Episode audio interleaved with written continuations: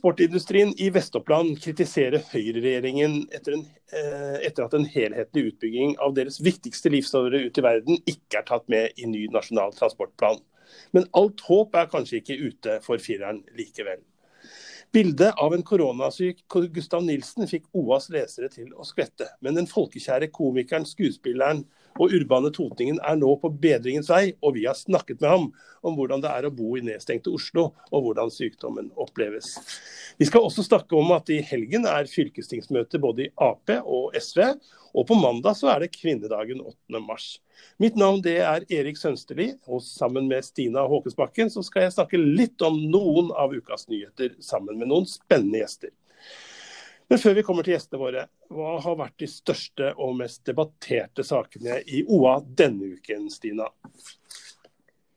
Du, det er veldig mange som er opptatt av rusreformen. Eh, og sykehus, sjølsagt. Og skolestruktur, som begynner å bli et tema igjen, særlig på Østre Toten.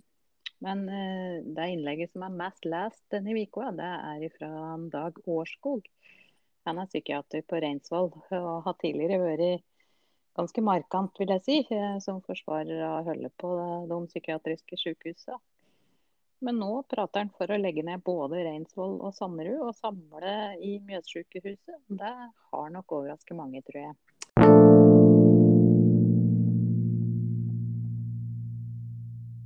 Ja, det er vinterferie i Vest-Oppland. Og så er vi omgitt da, av en britisk mutantvirus som vi er litt redde og vi ser at det er et stigende smitteantall. Men siste døgn så ble det registrert 307 nye smittede i Oslo. og det, ja, det var det faktisk det høyeste antall smittetilfeller siden, siden det hele starta.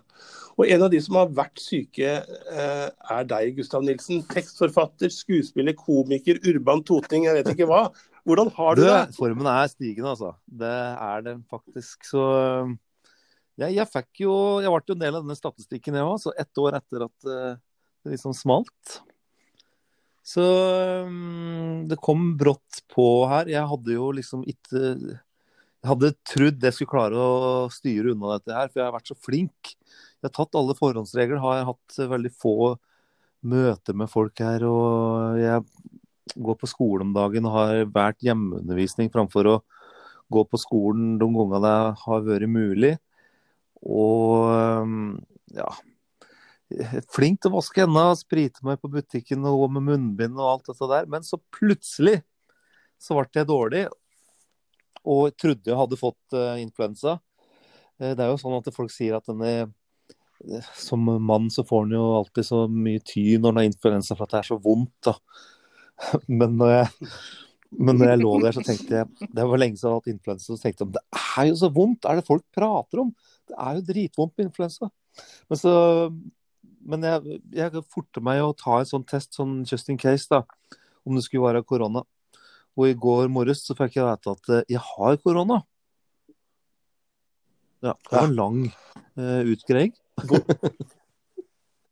ja. Men du skjønner ikke åssen du ble smittet? Nei, jeg gjør ikke det. Det er liksom ingen uh, Det er ingen av de folka som jeg har hatt noe som helst med å gjøre, som er dårlige. Uh, så jeg aner ikke. Hvordan kjennes det ut, liksom? Altså, du sier det er akkurat som en, en influensa? Ja, det var, nå er det lenge siden jeg har hatt influensa, så jeg husker ikke helt åssen det er. Men det er sånn vondt i ledd og vondt i hodet og eh, Jeg hadde veldig vondt i korsryggen og ja, Jeg vet ikke hvor detaljert jeg skal være, men eh, vondt i magen, går det an å si det? ja.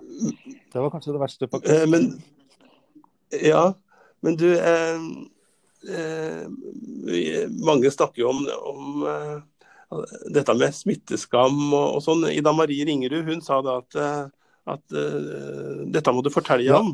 fordi det, vi, vi, vi, kan jo ikke noe for at vi blir smitta. Nei, jeg, altså I utgangspunktet så delte jeg bare Vi har en sånn intern gruppe på Urbane. Så delte jeg den derre Eh, det bildet av at eh, du har fått påvist korona. Jeg delte der og eh, litt sånn på tull at ja, ja, da har vi én mindre å bekymre oss for i Samar. Og så sier Ida at jeg burde Hun opplever jo som lege at folk er Syns det er flaut med korona. eh, på et vis, da. Og dette er vel noe jeg har skjønt, for jeg har jo flere venner som er leger, så, som sier det samme. Så da, når Ida sa at kanskje du burde fortelle at du har det, da. Så, så jeg gjorde det. Det, kost, det koster meg jo ingenting. Jeg syns ikke det er noe flaut. Eh, det eneste som var litt flaut, var at hvis noen tror at jeg gjorde det for å få sympati for at å, jeg er så, jeg er så dårlig, jeg stakkars meg. Det, for det handler ikke om det. altså. Det handler bare om at, at uh, hvis jeg ikke hadde tatt den der koronatesten den første dagen jeg var som dårligst, så hadde jeg faktisk vært så god i formen i går at jeg rett kunne gått ut i sola. Og da hadde jeg vært ganske mm. smittefarlig. Mm. Så ja. Så det er jo så jeg er jo veldig glad for at jeg gjorde det, og at jeg ikke har smittet noen andre. Eh, men klart, jeg er jo litt sånn spesiell situasjon i og med at jeg bor i Oslo alene. Jeg skjønner jo at folk som omgås mye folk, kan synes at det er, at det er ubehagelig å skulle være den som er grunnen til at eh, kanskje 40 eh, venner og kollegaer må i karantene. da. Samtidig, hvis ikke folk gjør sånn, så blir jo ikke noe stopp på dette her. Før i hvert fall alle, alle har fått vaksine. Men uh, det jeg skjønner at dere sitter og skriver litt da, i håp om at det blir i hvert fall eh, show nå til uh, sommeren. Men som komiker, tenker du at det er mye godt materiell i alle disse her rare tanker og nye situasjoner som vi fikk altså, etter oss nå? I og for seg er det jo det er jo liksom noen ting som kan være litt humor innimellom. Men, men nå har det 70 en million komikere i verden hjemme og være arbeidsledige. Og den eneste nyheten de har hatt å forholde seg til det siste året, har vært Trump og korona. Uh, så det er snart ikke mulig å komme på en vits om korona som ikke noen har funnet på før deg og posta på nett. Uh, dessuten tror jeg, tror jeg kanskje at jeg sier det, noe på en måte noe korona blir det sikkert uansett, i og med at det preger samfunnet vårt såpass mye et år. Men uh, jeg tror liksom folk, idet de setter seg ned på stola på Kapp i teltet der, at uh, de ønsker et lite avbrekk fra korona òg. Så noe stort koronanummer ser jeg liksom ikke for meg. Har, har, dere skrevet nytt show, eller skriver dere på det? Eller, vi skriver, vi skriver på det. Det vil si at vi drev jo for akkurat et år siden så drev vi og skrev show som vi skulle ha i 2020. Eh, og mm. det fikk vi jo ikke spilt, så da har vi jo en del nummer fra fjor som i og med at liksom hele verden har stått på pause på et eller annet vis, så er det mange av disse numrene som vi hadde i fjor som fint kan brukes i år òg. Eh, så vi, vi, på en måte kom inn i denne sesongen her med noen nummer i bagasjen. da. Og så er vi så vidt i gang og jobber med årets show òg. Eh, for, ved, for egent vedkommende så er det mye sånn i tankestadiet fortsatt, da. Men nå begynner det å nærme seg, så nå er det nødt til å materialisere seg ganske snart. Mm. Du, hvordan er det å leve med eh, Du bor jo i Oslo og nå holder du deg inne, da, men hvordan har det vært å leve Beskriv tilstandene som er i Oslo akkurat nå. Altså, eh, det har jo gått, vært perioder her hvor det har føltes ganske normalt òg, men, men, det er jo veldig pussig å komme til Toten. Jeg er jo der av og til. Eh, og da på Toten så er det jo Å, det er ikke, korona her, nei. Eh, for der er det jo liksom ingen som bruker munnbind nesten. og det er en helt annen atmosfære, syns jeg. Sånn som når jeg skal inn i min lokale nærbutikk, så står det vakter, sørger for at det ikke er for mange i butikken. Eh, at det er eh, folk har på seg masker, at folk spriter seg. Så det er jo en helt annet regime her. Og det er jo naturlig nok da. Folk er jo litt mer redde, for det er jo mye mer, mer tale her. Da. Så ja. Det er litt forskjell. Men eh, dette siste året, eh, jeg går ut fra at du hadde en del planlagt uh, utover showet på Kapp òg. Og så liksom plutselig så blir det nærmest yrkesforbud for, for deg. Og åssen har det gått? Jeg var jo heldig på den måten at vi fikk kompensasjon på Urbane. Um, for at fikk ikke lov til å spille show. Så det har jo løst seg bra. Eh, I tillegg så har jeg jo litt, hatt litt andre sånn jobber i og med at jeg jobber litt med reklame, da. Les litt reklamer og sånn. Det er du som er denne smørblide Ja, det stemmer det. Det? Jeg er eh, sparmann, ja. Eh, Så det er jo fint å ha.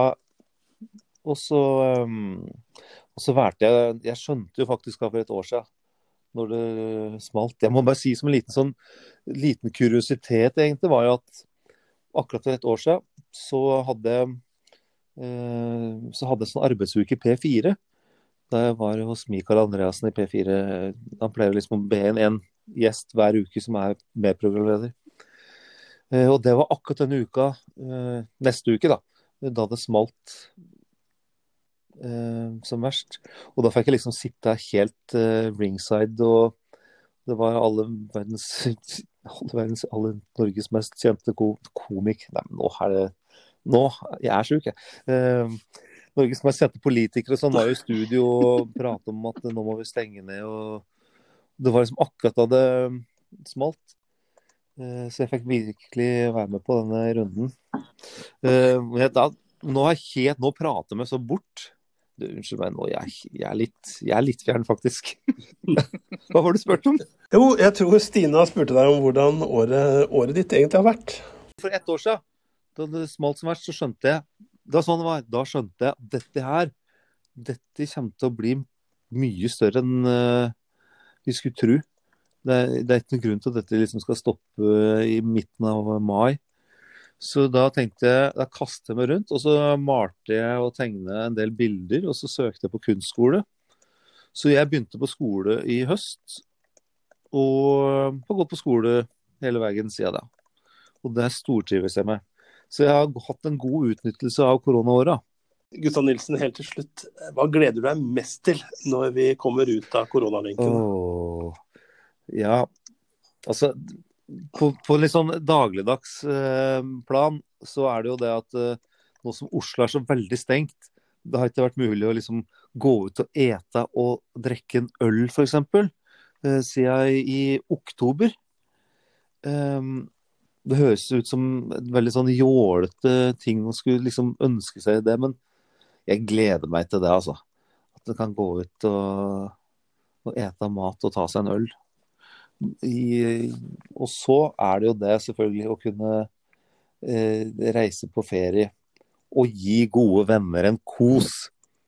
Jeg burde egentlig snu den bunken der, da. Det er kanskje det viktigste. Gi gode venner en kos. Så kan jeg heller ta den ølen senere. Mm.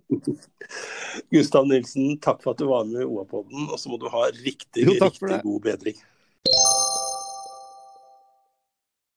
Eksportindustrien i Vest-Oppland kritiserer høyreregjeringen.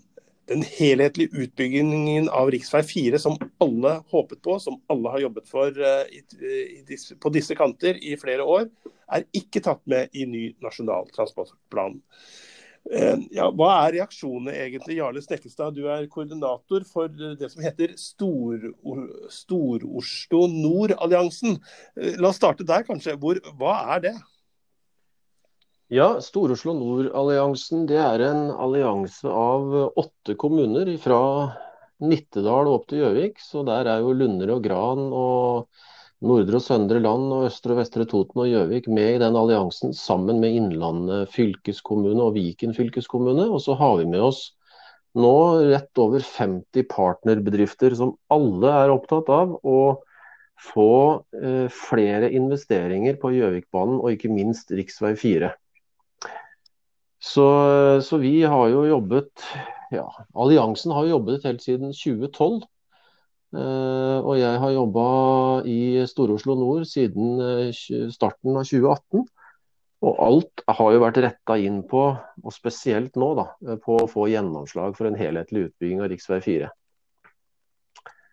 Så vi Ja, reaksjonene, sier du. Altså, det er klart at vi er jo veldig glad for at en veldig viktig del av rv. 4 nå ser ut til å ligge inne i Nasjonal transportplan. Mjøsbrua Hunndalen er en veldig viktig strekning. Det er et stort prosjekt eh, på kanskje opp mot 5,5 milliard, så det er viktig. Eh, Men det er samtidig da veldig vanskelig å forstå hvorfor regjeringen ikke har prioritert en helhetlig utbygging videre sørover. Når eh, når det er så samfunnsøkonomisk lønnsomt og når det er så helt avgjørende viktig for eh, industrien. Så det er jo klart at Reaksjonene er jo også farga av det. Så vidt jeg har registrert, det er jo, eh, har vært stor eh, aktivitet opp mot sentrale politikere. Og alle har vel gitt gode signaler, har de ikke det? Når de har vært på besøk og på en måte mottatt budskapet?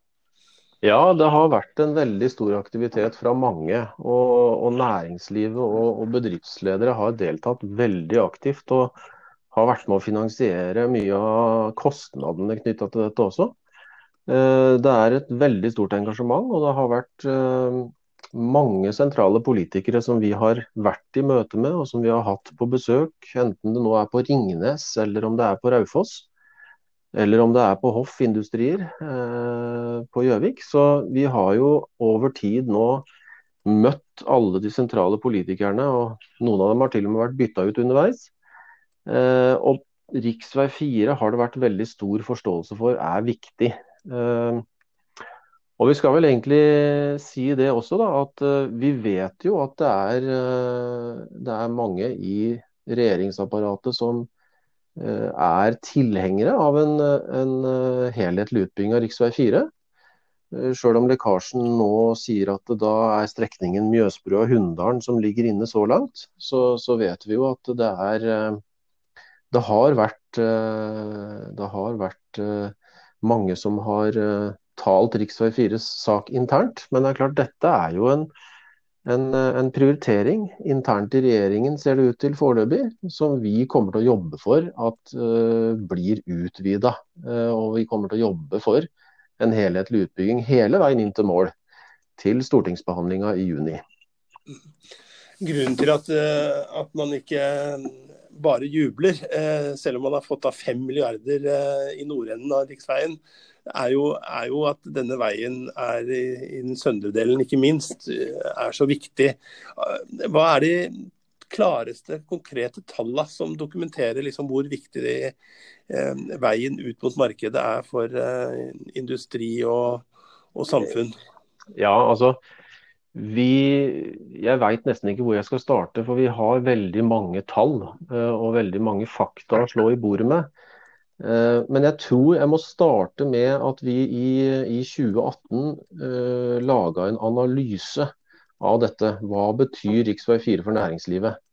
Og mm, Da tok vi kontakt med og sendte et spørreskjema til 60 utvalgte veldig transporttunge bedrifter langs rv. 4. og Vi fikk en svarprosent på godt over 70% Og Det som er oppsiktsvekkende, det er at de rangerer høye høyere transportkostnader enn konkurrentene som en større utfordring enn sterkere internasjonal konkurranse og mangel på arbeidskraft. 60% av bedriftene sier at transportkostnaden og transportutfordringen er det største problemet deres. Og det er, det er, Riksvei 4 er jo på en måte problemet. Og 80% altså 74% av disse bedriftene er mis, misfornøyd med framkommeligheten. Og 80% av dem mener at den dårlige veien er en konkurranseulempe. Og Det er jo det som er hele bakgrunnen. Altså det som, det, man kan si at det kjempes mellom landsdeler og det, det kjempes mellom, uh, mellom, nord og sør og øst og vest. Men altså det som er alvoret i dette, det er at vi her snakker om en nasjonalt viktig industri som trenger en infrastruktur for å være konkurransedyktig. Det vil jo da være veldig alvorlig. Spesielt når vi tenker på at uh, vi vet at vi må doble eksportinntektene våre fram mot 2040 for å beholde dagens velferdsnivå. Jeg tror det var i perspektivmeldingen til regjeringen dette sto. Det er veldig alvorlig hvis ikke vi får en infrastruktur som legger til rette for det. Og Det er det som gjør at det blir sterke reaksjoner hos alle de som hver dag kjemper i et internasjonalt marked eh, og, og jobber for å vinne kontrakter og ordre. Eh, da forstår vi jo alle sammen at frustrasjonen blir stor når de ikke blir hørt. Så vi må jo bare jobbe videre for at vi skal klare dette. Jeg går ut fra at eh, da det, det, det fikk bekreftelsen på at det var sånn det lå an nå, så har de sikkert uh, tatt noen telefoner òg. Hva, hva, er liksom forklaringa, sånn som dere uh, hører det? Nei, altså den, den prosessen som regjeringa nå har hatt, uh, har, jo, har jo betydd at de har måttet bestemme seg for ja, hva slags totalramme skal Nasjonal transportplan ha. Uh, og innenfor den lista de da legger, så blir det jo en intern øh, håper å si, dragkamp om prosjekter. Og, og, det er jo mange store prosjekter som allerede ligger inne, inne i dagens nasjonale transportplan, som eh, de gjerne vil ha gjennomført.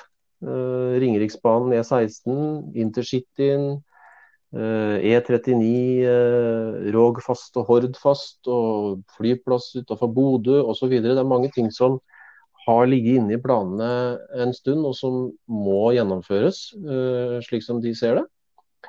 Og så er da spørsmålet hva er rommet for nye prosjekter? Og Rv. 4 er et sånt nytt prosjekt.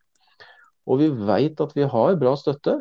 Eh, vi vet at det er forståelse for en helhetlig utbygging. Rv. 4 svarer på alle regjeringens krav når det gjelder samfunnsøkonomisk lønnsomhet, betydning for næringsliv, redusere trafikkuhell. Ehm, men i den kabalen som regjeringa så langt har lagt, så var det da tydeligvis bare plass til Mjøsbrua Hunndalen. Det har vi en ambisjon om å gjøre det med. Ja, for uh, muligheten er ikke borte. Det skal forhandles, eller Planen skal jo legges fram, og så skal den behandles i Stortinget. Hva er mulighetene, tror du, du ser det? Nei, altså, Nå er jo ikke regjeringa helt 100% ferdig med det siste punktumet i Nasjonal transportplan som de har tenkt å legge fram. Så vi er veldig spent på om de sier noe mer om rv. 4 enn bare Mjøsbrua Hunndalen. Vi er spent på om de f.eks. Uh, eh, mener noe om, uh, om, en målsetting om en helhetlig utbygging, uh, og skriver noe om det. og Så er det jo selvsagt slik at regjeringa må jo ha et forhandlingsmonn når de kommer til Stortinget med sitt forslag, for de er en mindretallsregjering og de må bli enige med f.eks. Først og fremst kanskje Fremskrittspartiet. Og Vi har jo sett at Fremskrittspartiet har løfta rv. 4 veldig høyt. Vi hadde jo Siv Jensen nede på Gjelleråsen her for noen få uker siden. Hvor hun sa at hvis ikke regjeringen legger inn en helhetlig utbygging av rv. 4, så vil de gjøre det. Så det vi håper er at Fremskrittspartiet, Arbeiderpartiet og Senterpartiet eh, nå har en helt klar prioritering av en helhetlig utbygging av rv. 4, og at det vil eh, influere på resultatet. Eh, Fremskrittspartiet sin eh, gruppe på Stortinget, som OA har skrevet om, har jo vedtatt at rv. 4 er et topprioritert prosjekt. Nå står vi foran en gruppebehandling i Senterpartiet og Arbeiderpartiet om NTP nå i dagene som, ukene som kommer. Så det blir veldig viktig. Er det, dere at at det, denne store E6-utbygginga på, på, andre sida av fjorden, at det blir på en måte et argument mot denne veien, som også da ligger i Innlandet fylke nå? Eh, så, altså, eh, for noen år siden eh, så var det flere som nevnte det. Men jeg tror at de som sitter nå og, og skal ta beslutningene i Oslo, de, de ser forskjellen på E6 og rv. 4.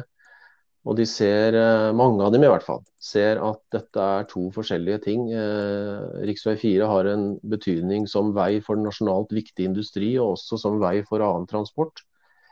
Eh, så, så det, har, det, argumentet har vi ikke hørt vel, framført med noe særlig tyngde på en stund. Eh, men det tror jeg er fordi at det er veldig mange næringslivsledere som, eh, som har gjentatt budskapet om hvilken betydning rv. 4 har. Så, mm, så, det mm, ja, er mitt inntrykk, i hvert fall. Og til slutt, eh, Jarle Stekkenstad. Når, når spikres planen? Når, når, skal vedtaket fattes? Ja, altså 19.3 så legger jo regjeringen fram sitt forslag. Og Så blir det en prosess i Stortinget eh, med forhandlinger der som vil pågå først og fremst da selvsagt i transportkomiteen, men etter hvert også i, i, i, i tinget som et vedtak. Og jeg tror det er midten av juni vi snakker om. Jeg kan ikke eksakt si dagen, men vi snakker om midt mellom den 15. og 20. juni tror jeg det skal fattes et vedtak. Takk skal du ha, Jarle Stekkestad, for at du var med i dagens OA-podden.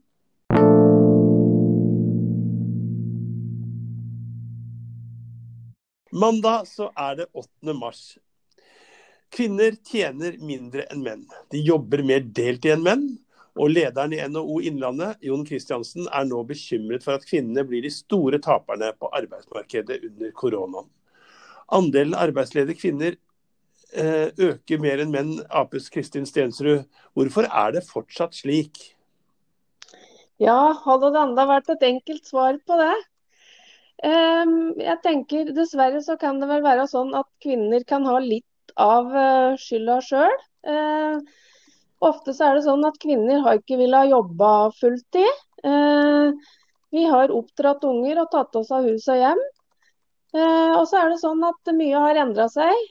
Kvinner er mer selvstendige i dag. Og, og kanskje valgt bort det å få unger, og er, er eneforsørgere eller bor for seg sjøl.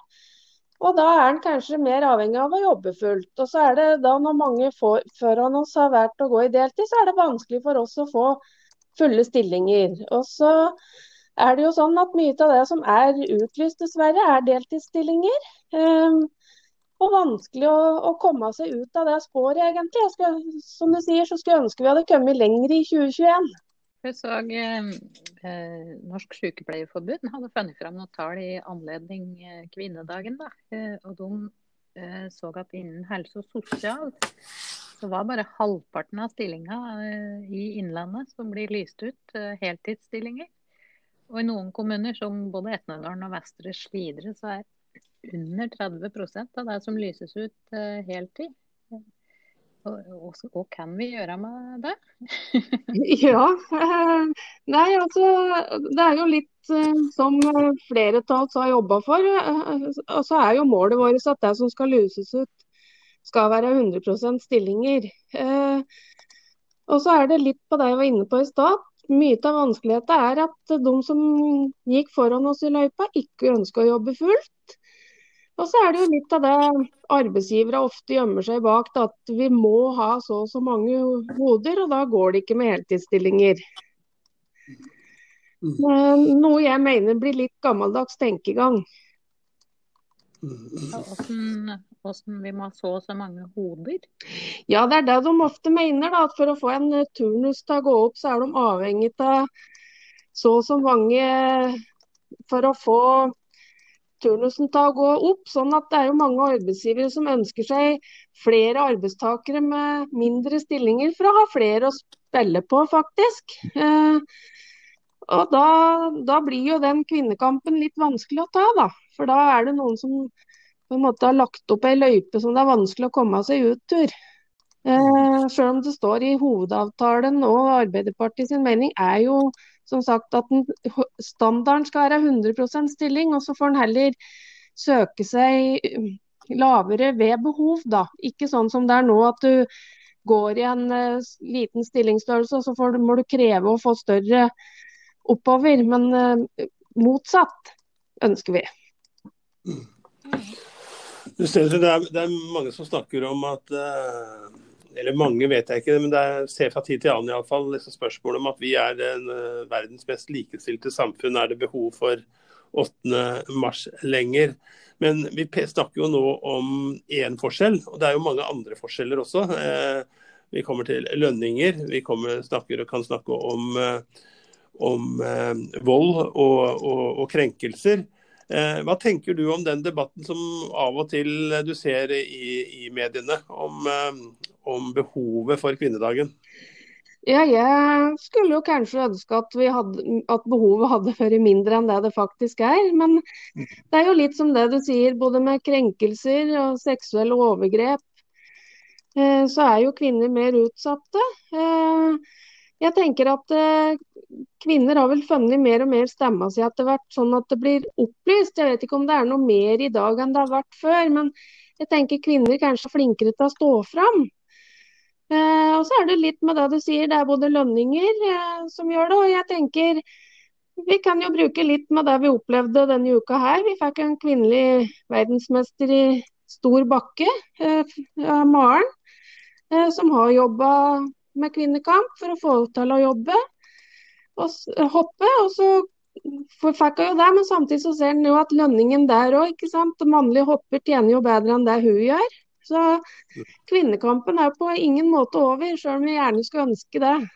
Men eh, tenker du, de som vokser opp nå, ja, eh, tror du de ser, eh, ser disse forskjellene? Jeg opplever at veldig mange unge nå er veldig sånn rettferdige, på en måte. da. Sjølsagt skal de eh, det. og Det skal jo ikke være noe forskjell eh, mellom dem og gutta, liksom. Ja, jeg opplever vel at de er mer flinke i hvert fall til å si ifra og stå opp for seg sjøl enn det kanskje generasjonen min var.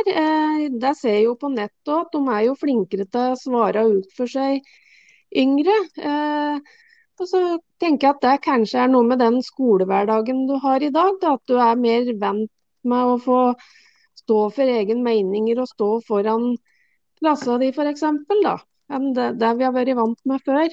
Så jeg tror at de kjemper litt eh, videre enn det vi gjør. Vokser opp med foreldre der kanskje begge foreldre er ute i arbeidslivet òg, og, og tar det mer som en selvfølge og tør å si ifra. Så ungdommen er viktig. Jeg sitter og tenker her litt på det potensialet da, som ligger eh, i det at vi får, eh, får begge kjønn med oss, hadde jeg nær sagt. Og, og, at vi sikrer et mangfold i arbeidsliv og, og, i samfunnet for øvrig. Jeg mener at du kom med noen tall, Stina, om, ja. om eh, hvor, egentlig, hvor stort potensial Norge har, hvis vi klarer å gjøre noe mer enn å bare prate om likestilling. Ja, dette er jo regnende på dette òg, sjølsagt det at kvinner Nå er det vel sånn, jeg tror det var 69% deltakelse i yrkeslivet for menn og 62 for kvinner. Men eh, det at den andelen kvinner da, har gått såpass opp som den har gjort, har uh, utgjort en femtedel av verdiskapningsveksten verdiskapingsveksten over en ganske lang periode. Jeg tror det var snakk om 500 milliarder omgjort i kroner. Og husker ikke på stående fot og ikke det var som hadde regnet på dette, men jeg leste før i dag, faktisk. Det, det sier noe om potensialet, da. Ja. Du, jeg tenker også en annen ting, er det, dere. At eh, vi snakker om 8. mars eh, og kvinnenes sak. Uh, vi slåss for mangfold, likere kår. Men, men, blir det litt sånn at likestillingskampen blir en kamp for talskvinner og talsmenn som er, eh, er hvite? Eller makter vi også på en måte ta inn mangfold på andre områder, f.eks. kvinner med fremmedkulturell bakgrunn? Hva tenker du rundt det, Stensrud? Er vi flinke nok til å se alle kvinnene i Gjøvik-samfunnet vårt som, eh, som har en, en, annen kulturell bakgrunn enn det de fleste av oss har? Ja, jeg syns vi har blitt flinkere de senere åra. Men klart det er fortsatt potensialet for å få med seg alle. Jeg opplever jo sjøl at vi har blitt mer inkluderende og at uh, vi klarer å se kvinna rundt oss. Og så opplever vi jo at uh, mye har skjedd i de fremmedspråklige, fremmedkulturelle miljøene òg. Uh, at det er mer aksept der. Og for at jentene og damene står på sine meninger og får lov til å delta på, på det de ønsker, da, mot for kanskje det var for noen år tilbake. Så, men helt klart, vi har eh, fortsatt en jobb å gjøre. Men jeg syns vi på Gjøvik har kommet langt. Det syns jeg. Men um, hvis vi skal hoppe litt, som de sier, uh, i helga, så er det fylkesårsmøte i Innlandet Arbeiderparti. Og du er jo nyvalgt leder i Gjøvik Arbeiderparti. Ehm, på årsmøtet nå i helga så blir Sigmund Hagen fra Gjøvik eh, etter alle solemerker ny nestleder. Ja. Eh, sammen med Lise Selnes vel, fra Nord-Odal, som er innstilt for, som leder etter Anita Illesten. Så skal de lede et parti som har tatt litt terreng, slik det ser ut da, på målingen, både i Hedmark og Oppland. Ja. Hva tenker du? Eh, Hvordan forklarer du på en måte den situasjonen som vi har sett på disse meningsmålingene siste året? Nei, jeg er jo ærlig på at det syns jeg er kjedelig. Og så tenker jeg at mye av den interne stridigheten som har vært i, i Arbeiderpartiet, om det har vært sentralt, så har det påvirket hele landet. Arbeiderpartiet i hele landet. Og så er det vel sånn at vi kanskje ikke har vært flinke nok da, til å markere oss med våre egne saker og stå på våre egne meninger. Men at vi opplever kanskje at debatten har tatt litt fokus, tar fokuset. Så, så er, vi har en viktig jobb å gjøre foran stortingsvalget. Og når det gjelder Sigmund og hans nye rolle, eventuelt nye rolle, får jo håpe det går sånn som det er forespeilet, så tenker jeg at det er en mulighet til å sette Gjøvik-regionen på kartet. At vi nå har, har Sigmund å spille på videre inn og opp. Så jeg tror absolutt at det er positivt for oss. Og så er det, må vi samle mannskapet vi har og drive en aktiv valgkamp nå på senvåren og tidlig sommer. Og få fokus bort fra interne stridigheter. Du, eh, rett før vi, vi, møttes her nå, så satt jeg og bladde litt i årsmøtepapirene. og jeg og det er, jo, det er, jo, flere forslag fra absolutt mange forslag fra Vest-Oppland, og, og, og, ikke minst fra Gjøvik Arbeiderparti. Eh, Bl.a. Eh, forslag til uttalelser om Mjøssykehus, legeutdanning på NTNU og Gardermo buss. Hva er de største sakene slik du ser det på Slottet? Eh, som nyvalgt leder så kan jeg jo være helt helt ærlig at uh, jeg skulle ønske vi kunne ha tatt den diskusjonen om Mjøssykehus. Um, er det unga pleier å si effekt? Jeg synes det er litt uh, jeg, jeg, har sagt det innad i Gjøvik Arbeiderparti at jeg syns det kanskje er litt feigt at vi ikke tar den diskusjonen i år, men at vi velger å stå på tidligere vedtak. Um, jeg tenker at uh, vi fra Gjøvik Arbeiderparti er veldig klare på at vi ønsker et nytt Mjøssykehus ved Mjøsbrua. Og ved Mjøsbrua, det er for oss i Moelv. Det er der vi mm. ønsker. Mm.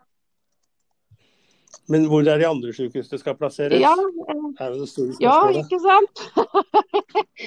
da tror jeg jeg skal komme med det diplomatiske svaret at uh, vi skulle ønske at i det opprinnelige forslaget så var det kun et Mjøssykehus. Um, at de andre skulle legges ned og det skulle åpnes mer for LMS. Jeg skulle kanskje ønske at vi kunne ha stått mer på den modell, eh, i stedet for å skrape den krangelen mellom sykehusene. Eh, så det feige svaret er vel kanskje å si at eh, vi får plassere hovedsykehuset først, og så får vi ta oss av plasseringa av de andre etterpå. Men er det det du mener er litt feigt, at dere ikke tar den debatten og på en måte går foran Ingen av partiene for så vidt Du gjør jo det nå, åpner den saken på sine årsmøter. Heller ikke SV som har årsmøte samme helg, gjør det. Nei, jeg føler vel at Senterpartiet tok det. Eh, tok diskusjonen sin, ja. eller i hvert fall kom fram til et kompromiss. Og det er det jeg skulle ønske vi gjorde òg. Mm. Eh, for det er mye har endret seg siden den en skjøre enheten som kom sist, så har mye endra seg. så Derfor skulle jeg ønske at vi kunne ha tatt den diskusjonen. Og så, og så er jeg usikker på om det er eh, fordi det blir på Teams eh, årsmøte, at en ikke får en kunne ha fått en reell diskusjon. Men jeg skulle ønske vi hadde tatt det. Har du noen følelse av at Jeg ser jo det er jo kommet noen innspill bl.a. fra sentrale strøk på andre sida, kan du si. da. Du tror ikke at det sniker seg inn en diskusjon om dette? Det ville forundre meg stort om de ikke gjorde det. jeg skal være ærlig på det. At uh, jeg regner vel med at noen klarer å, å få snike seg inn nå. Det kan vel hende det gjør deg fra Gjøvik Arbeiderparti òg, når det åpnes for innlegg. Jeg ser at Norstats nye måling for Aftenposten uh, og NRK de viste at Senterpartiet og Arbeiderpartiet SV, Rødt og MDG ville fått 100 mandater på Stortinget. Og Det betyr jo et klart skifte. Men det er et skifte selv uten Rødt og MDG også. Hva, hva tror, eh, hva tror det, det, først og fremst vil bety å få et skifte? Og er det vanskelig for Arbeiderpartiet liksom sånn å, uh, i dette forholdet til partner Senterpartiet? Dere blir jo litt uh, kalt for Senterpartiet light. Ja. Har, du forstå har, du noen forståelse for at, uh, at litt onde, spydige tunger trekker det fram? Ja, det har jeg en forståelse for. Eh, selv om jeg personlig så skulle jeg ønske at vi var eh, storebror, sånn som vi har vært i mange år. Eh, og så er det vel sånn at vindene har endret seg litt, da. Før så ble jo det med Senterpartiet sett som mer fra, fra landsbygda. Det har endra seg. Senterpartiet har stiget i byene òg. Har mye politikk for by og land. Og så tenker jeg at at vi ikke, Arbeiderpartiet ikke må la seg rive helt med, da, men fortsatt stå og jobbe for våre saker. og jeg, jeg tenker jo Det er det som er viktig å få til et regjeringsskifte. da. Ehm, det er jo stadig økende forskjeller mellom fattig og rik, eh, bl.a. Det må vi få endra på.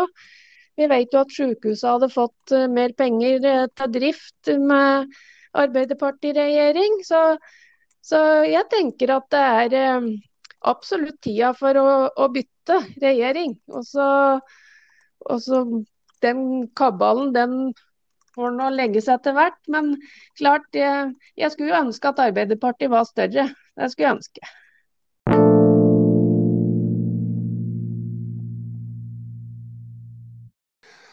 Ja, da er det tid for ukas blomst. Eh, og Maren Lundby, altså hun hylles nå i medier blant kjendiser, idrettstopper, en hel nasjon som fulgte hennes VM-triumf fra sofakroken på onsdag kveld. Gjorde du det, Stina? Absolutt. Må jo ha med seg dette. Det var så ja, det var, ja, det var så morsomt. Og, og jeg kjenner at det blir, blir litt sånn grøt inn i målet, liksom. Jeg blir litt rørt. ja, jeg tenkte jeg ble det Det ligger så mye bak den medalja. Hun hadde en trøblete sesong. Eh, og så hadde hun jo dette at hun hadde kjempet denne kampen da, for å få lov til å hoppe i de store bakkene som gutta. Uh, og hun har kjempet for likestilling også når det gjelder pengepremier. Uh, de hopper jo for knapper og glansbilder, i motsetning til Kara. Mm. Det, jeg mener at du, du, kan ikke skrive et bedre manus til en sånn Hollywood-film om en sånn idrettsbragd. Sånn, uh, det må jo bli film av det, Sina? Ja, vi har jo lang tradisjon for helt tilbake til Johanne Kolterud. Men jeg tenker det, det som det som gjør tenker jeg da, at det blir så rørende, er jo fordi eh, opplever så, så, veldig at dette kommer eh, fordi hun så gjerne vil hoppe. Og det ja. er en lidenskap, liksom. Og at eh, det er klart det er eh, virkelig ikke rettferdig at eh, det skal ligge så mye hinder i veien. Jeg har jo sett Maren i, i noen hopprenn når jeg var veldig lita. og det er, det er ingen tvil om at dette er hennes lidenskap. Nei, akkurat. Jeg syns det var veldig moro. Jeg var jo på jobb eh, fortsatt da hun, eh, da hun hoppa. Og vi hadde direktesending. Og etter det så, eh, så eh, ringte jeg til Bjørn Wirkola. Selveste Bjørn Wirkola, legenden i norsk skisport. Mm. Og han, eh, og han, sa det liksom at eh, Jeg spurte liksom, er det på ditt nivå nå, liksom? Er det liksom sånn uh, hoppe etter Wirkola, det var et begrep. Blir det noe sånn å hoppe etter Lundby òg? Er, er, det dere som liksom er paret? Og så sa han bare da at du vet at Maren Lundby hun har OL-medaljer, hun har OL-gull. Det har ikke jeg. Hun, han mm. mente at hun var større enn han blitt. Jeg synes det er... Ja, Hun er jo først og fremst uh, toppidrettsutøver. Ikke sant? Og så syns jeg det at uh, det er noe med det Dette vet jo du som er totning, da. Men jeg syns at hun er en fantastisk representant for Toten, for, som, som, ikke glemmer hvor hun er fra. Hun er liksom uh, opptatt av å helse hemmat, hadde jeg nær sagt. Og så er hun liksom litt sånn ydmyk, men likevel har hun bein i nesa, bra meninger og hopper jævlig langt når det må best når det gjelder, liksom. Så eh, bra dame fra Toten. Absolutt. Mm. Nei, kla klareste Jeg blir inspirert av. Ja, Klareste ja, En av de klarere blomsterkastene vi har sendt ut, er det ikke det? jo, absolutt. Jeg tenkte den andre Hvem skal vi gi den til? Jeg, jeg foreslår at den går til Toten òg, ja. Til Østre Toten. Det overrasker meg ikke. det var vel eh, nesten i det øyeblikk vi skrudde av forrige fredag, så begynte det å brenne på mjølkefabrikken på Kapp. Og eh, mjølkefabrikken på Kapp er jo en institusjon Ja. eh, for alle eh, på Toten. Der, var, eh, der gjorde inntrykk, det òg. Ja. Og det var, det var liksom ikke noe liten brann her. Det var, var brant skikkelig. Heldigvis så er det jo eh, mur utpå der. Så det tok jo ikke Det gikk jo ikke med så mye til fabrikken, men det er klart det er fryktelig for de som blir rammet. Det var veldig bra at de fikk eh, At det ikke gikk tapt noen av disse verdiene som Mjøsmuseet hadde vegg i vegg. Ja, jeg har jo sett at det skåpet som eh, bl.a. disse vikingsverda er i, det, det brenner ikke opp. For å si det slik. Det, men det, det gikk ikke inn der. Men vi har møtt jo f.eks. Eh, lørdagen etter. Så, så hadde vi reporter utpå der som møtte, møtte en Sigbjørn Sørli i Friskhus IL. Som hadde mistet nesten alt de eh, hadde i lageret sitt utpå der. De har jo bl.a. Om sommeren så er de veldig aktive med vannsport, som er tilrettelagt da, for eh, bevegelseshemmede. Og har uh, veldig populære tilbud som jeg tror gir mange noe.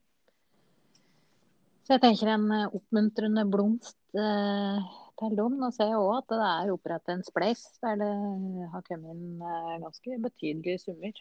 Så noe får de vel eh, kjøpt inn igjen, tror. Det får vi håpe på. eh, Og at alle de som ble berørt av brannen der ute, kommer seg på fote igjen. Vi skal følge den saken videre og følge opp det, den, den brannen. Men nå skal vi vel til hva som skjer i helga.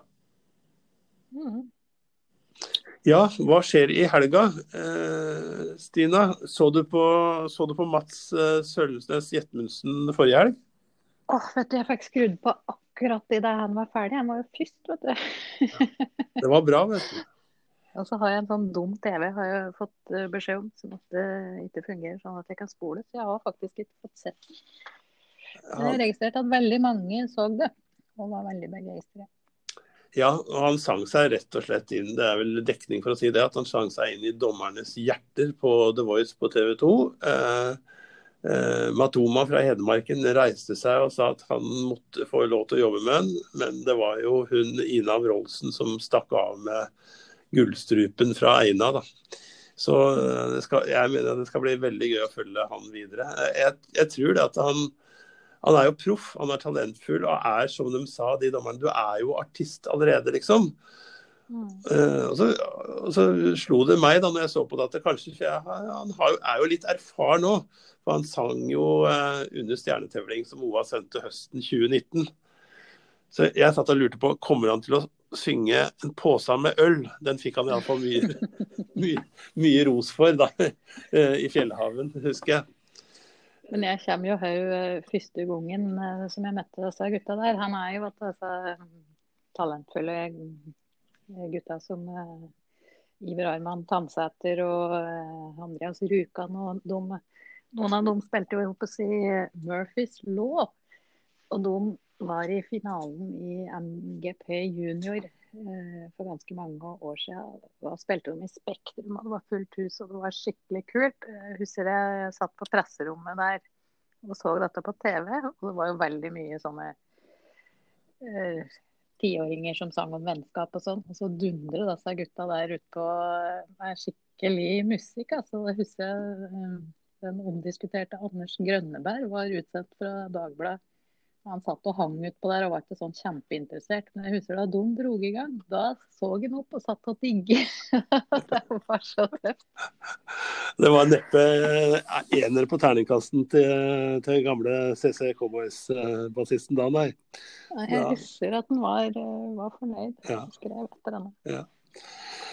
Ja, det er bra. Eh, hva skjer på våre trakter da ellers? Eh, jeg har fått med meg at eh, klokka er det ni i kveld, lurer jeg på, om de arbeidersamfunnet. De har vi jo, OA skrev jo det om programmet som de har klart å få sammen i disse koronatider. Det var ganske imponerende. Men der skal vel eh, doktor eh, Bergsland, eh, Norges. Bergland. Bergland. Jonas, Jonas Jo. Kinge Bergland. Ja, han har med seg et splitter nytt show til til Gjøvik. Han tror jeg var turnuslege på Gjøvik. Lurer på om jeg ikke møtte han i en eller annen sammenheng. For det begynner å bli mange år siden da. Alt jeg har gjort er så mange år siden. Ja, eh, men det er ikke så mye annet som skjer, da. Det er glassutstilling på Hadeland, riktignok. Der er det familieteater også, og litt av hvert å by på. Eh, så er det vinterferietilbud på Vitensenteret. Det fortsetter. Eh, men så var det stort sett slutt, med unntak av at det sikkert også er afternoon-tid på Samfunnet. Så eh, hva annet kan vi finne på da, Stina? Ah, ja, det har vært vinterferie denne uka, eh, så jeg skal i hvert fall eh, lufte unga. Mm. Jeg tror det, det er jo meldt fint vær, så det er bare å komme seg ut. Mm. Ja, skitur i marka, spasertur, ring noen guttakveld på PC-en, eller vinkveld med venninner på iPaden. Det, det fins muligheter. Og så veit jeg at eh, jeg snakka med Paul, Håvard Østby, eh, Urbane Paul. Eh, Han skal sammen med BA-desken, Ken André Ottesen, ha show på Facebook. han. Jeg tror det var på mandag. Mandag kveld klokka 18. Nå ble jeg usikker, kanskje tirsdag, men nei. Men jeg tror det var mandag. Det er om mandag, tror jeg. Det er mandag, ja. Og der tror jeg han har planlagt å legge inn en liten spesialhyllest av selveste Maren Lundby, da, i anledning hennes eh, megaprestasjon i uka som gikk. Ja, har jeg glemt noe da? På den korte lista? Nei, nei, det er vel Ja, det er jo noen årsmøter, da, som vi vet om. Men eh, det, det er vel litt eh, Det er vel litt eh, Ja. Vi tar med oss det. publikumsmagneter, kanskje. Nei, men vi er der. Årsmøte i SV og Ap. Dekning i OA i løpet av helga. Da er det på tide å runde av dag, ukens pod. Takk til gjestene våre. Takk til deg som hørte på. Og eh, Stina, du vi reklamerer jo gjerne for disse podkastene våre, da. Ellers så Ja. Ja da, det fins mange timer med alt fra artist- og kulturpersonligheter til nyhetspodder. Du søker på Oppland Arbeiderblad, der du finner lyden din. Og Befringen, Knut Befring, som gjorde et fremragende intervju med Maren Lundby eh, her om dagen, har jo starta en ny pod med Henning eh, Rå Fosselin fra Toten i dag. De har jo starta en ny sportspodkast som heter Sport og mere, visstnok oppkalt etter en gammel pub eh, på, Raufoss, ja. på Raufoss. Ja. Mhm. Eh, så det skal bli både sport og mer til der i ukene som kommer. Så lytt på det, folkens. Så må dere ha en riktig god helg. Thank